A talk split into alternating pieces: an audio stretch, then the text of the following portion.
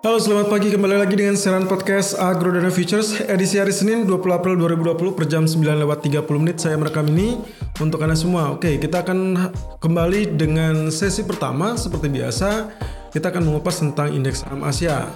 Dan tentunya di pagi hari ini kita awali dengan pembahasan tentang Nikkei. Untuk Nikkei sendiri pagi ini kurang lebih pembukaan di 19530 sementara area tertinggi sempat tercapai 19765 dan area rendah adalah 19530. Oke. Ini ternyata area open sama dengan low. Harusnya dia mengalami kenaikan dan itu yang terjadi tadi pagi sampai 765 ya teman-teman ya. Namun yang harus menjadi catatan pula ini kalau kita lihat dari candlestick sebelumnya di tanggal 17 April atau di penghujung hari Jumat yang lalu setelah kenaikan yang berturut-turut terbantu juga dengan faktor gap up kemarin lalu kemudian dia up ternyata kembali tergelincir ya kurang lebih itu sampai pertengahan malam. Dan di penghujung malam sebetulnya kita sempat melihat uh, Dow Jones dalam hal ini mengalami rebound yang cukup uh, fantastis. Kalau kita sebut dengan yang cenderung bikin break high tidak juga. Karena kalau kita lihat dari daily chartnya Dow Jones kemarin itu sempat mengalami kenaikan sampai 24319 lalu dia terjebak hingga area penurunan di 23700. Lalu kemudian ditutup di 24152. Ini yang saya sebut dengan area rebound kurang lebih 400 poinan ya. Nah, sementara untuk pagi ini kalau kita lihat dari Nikkei-nya sebetulnya dari pola yang sama ini membuat dia gap up karena kalau kita bandingkan Jumat yang lalu dia ditutup di 435 atau 19435 sementara pagi ini pembukanya adalah 19530 jadi kurang lebih 100 poin. Dan tentunya kalaupun kita bicara tentang gap, ini adalah jarak yang sangat-sangat dekat dan kemungkinan berpotensi untuk ditutupi. Nah yang jadi perkara adalah saat penutupan gap tersebut apakah dia akan kembali turun secara deras atau justru kembali rebound setelah menutupi gap. Nah itu yang yang kemungkinannya. Kalau saya membacanya begini teman-teman.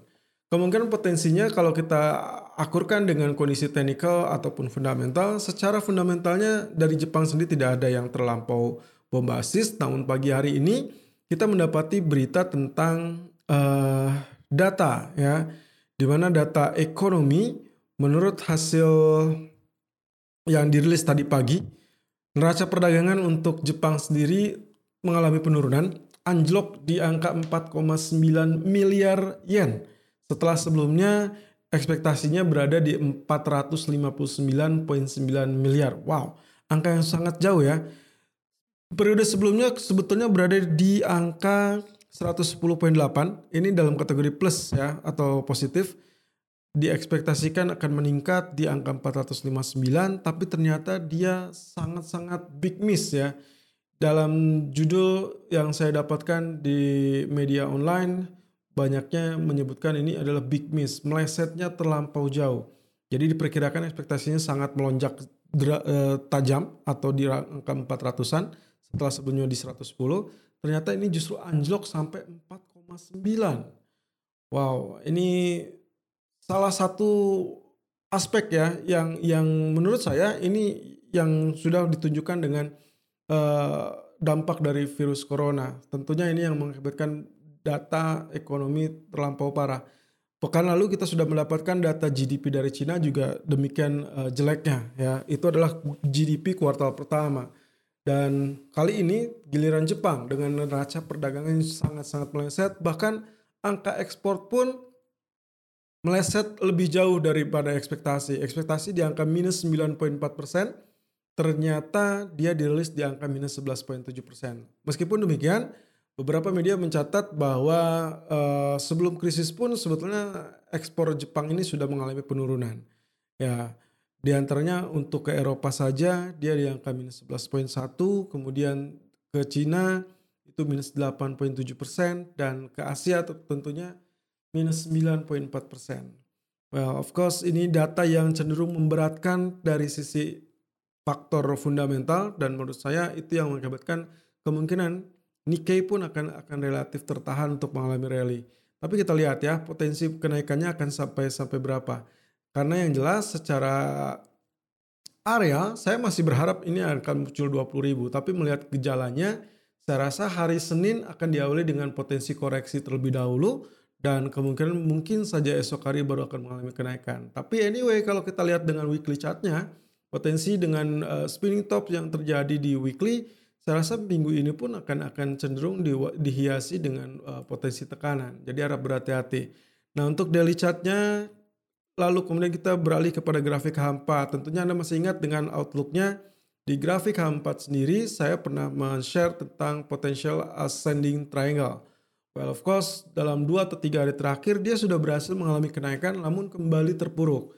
Lalu kemudian kemarin pun hal yang sama terjadi. Dia sudah sudah stabil di atas dan bahkan kita sudah memprediksikan ini akan ada kelanjutan. Tapi ternyata di pertengahan malam dia kembali tertekan. Jadi saya memberikan catatan dalam dalam grafik yang saya share dalam channel YouTube Agrodana Futures Official ada beberapa kali terjadi tes bahkan sempat beberapa saat berada di atas area resisten tersebut, ya resisten dari ascending triangle, namun selalu kembali tertahan. Nah ini potensinya begini, kalau misalkan terjadi lagi, pastikan area tembus harus benar-benar stabil di atas batasan area resisten tersebut ya. Kalau tidak, maka lupakan untuk rally karena kemungkinan potensi dia akan kembali anjlok. Kurang lebih seperti itu. Tapi kalaupun misalkan anjlok, menurut saya angka atau area yang paling potensial untuk melakukan buy adalah di kisaran 19.200 ataupun 19.300. Jadi saya tidak tahu apakah nanti malam ini kita akan mendapatkan 19.200 terlebih dahulu atau langsung menuju ke arah 20.000.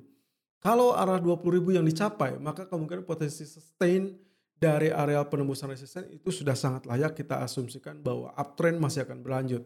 Tapi untuk kali ini saya asumsikan bahwa area 19665 ataupun 19700 kurang lebih itu sebagai areal resisten yang cukup tangguh sehingga untuk uh, alasan ini saya menganjurkan untuk melakukan sell on pullback di kisaran 19680 targetnya adalah 19600 dan target kedua 19570 tidak terlampau jauh meskipun sebetulnya ada saja peluang untuk mencapai ke 19300 itu masih terbuka stop lossnya anyway di 19755 saya mengantisipasi kemungkinan dia masih bisa break high atau bahkan menembus area uh, 19.800 untuk 20 ribu.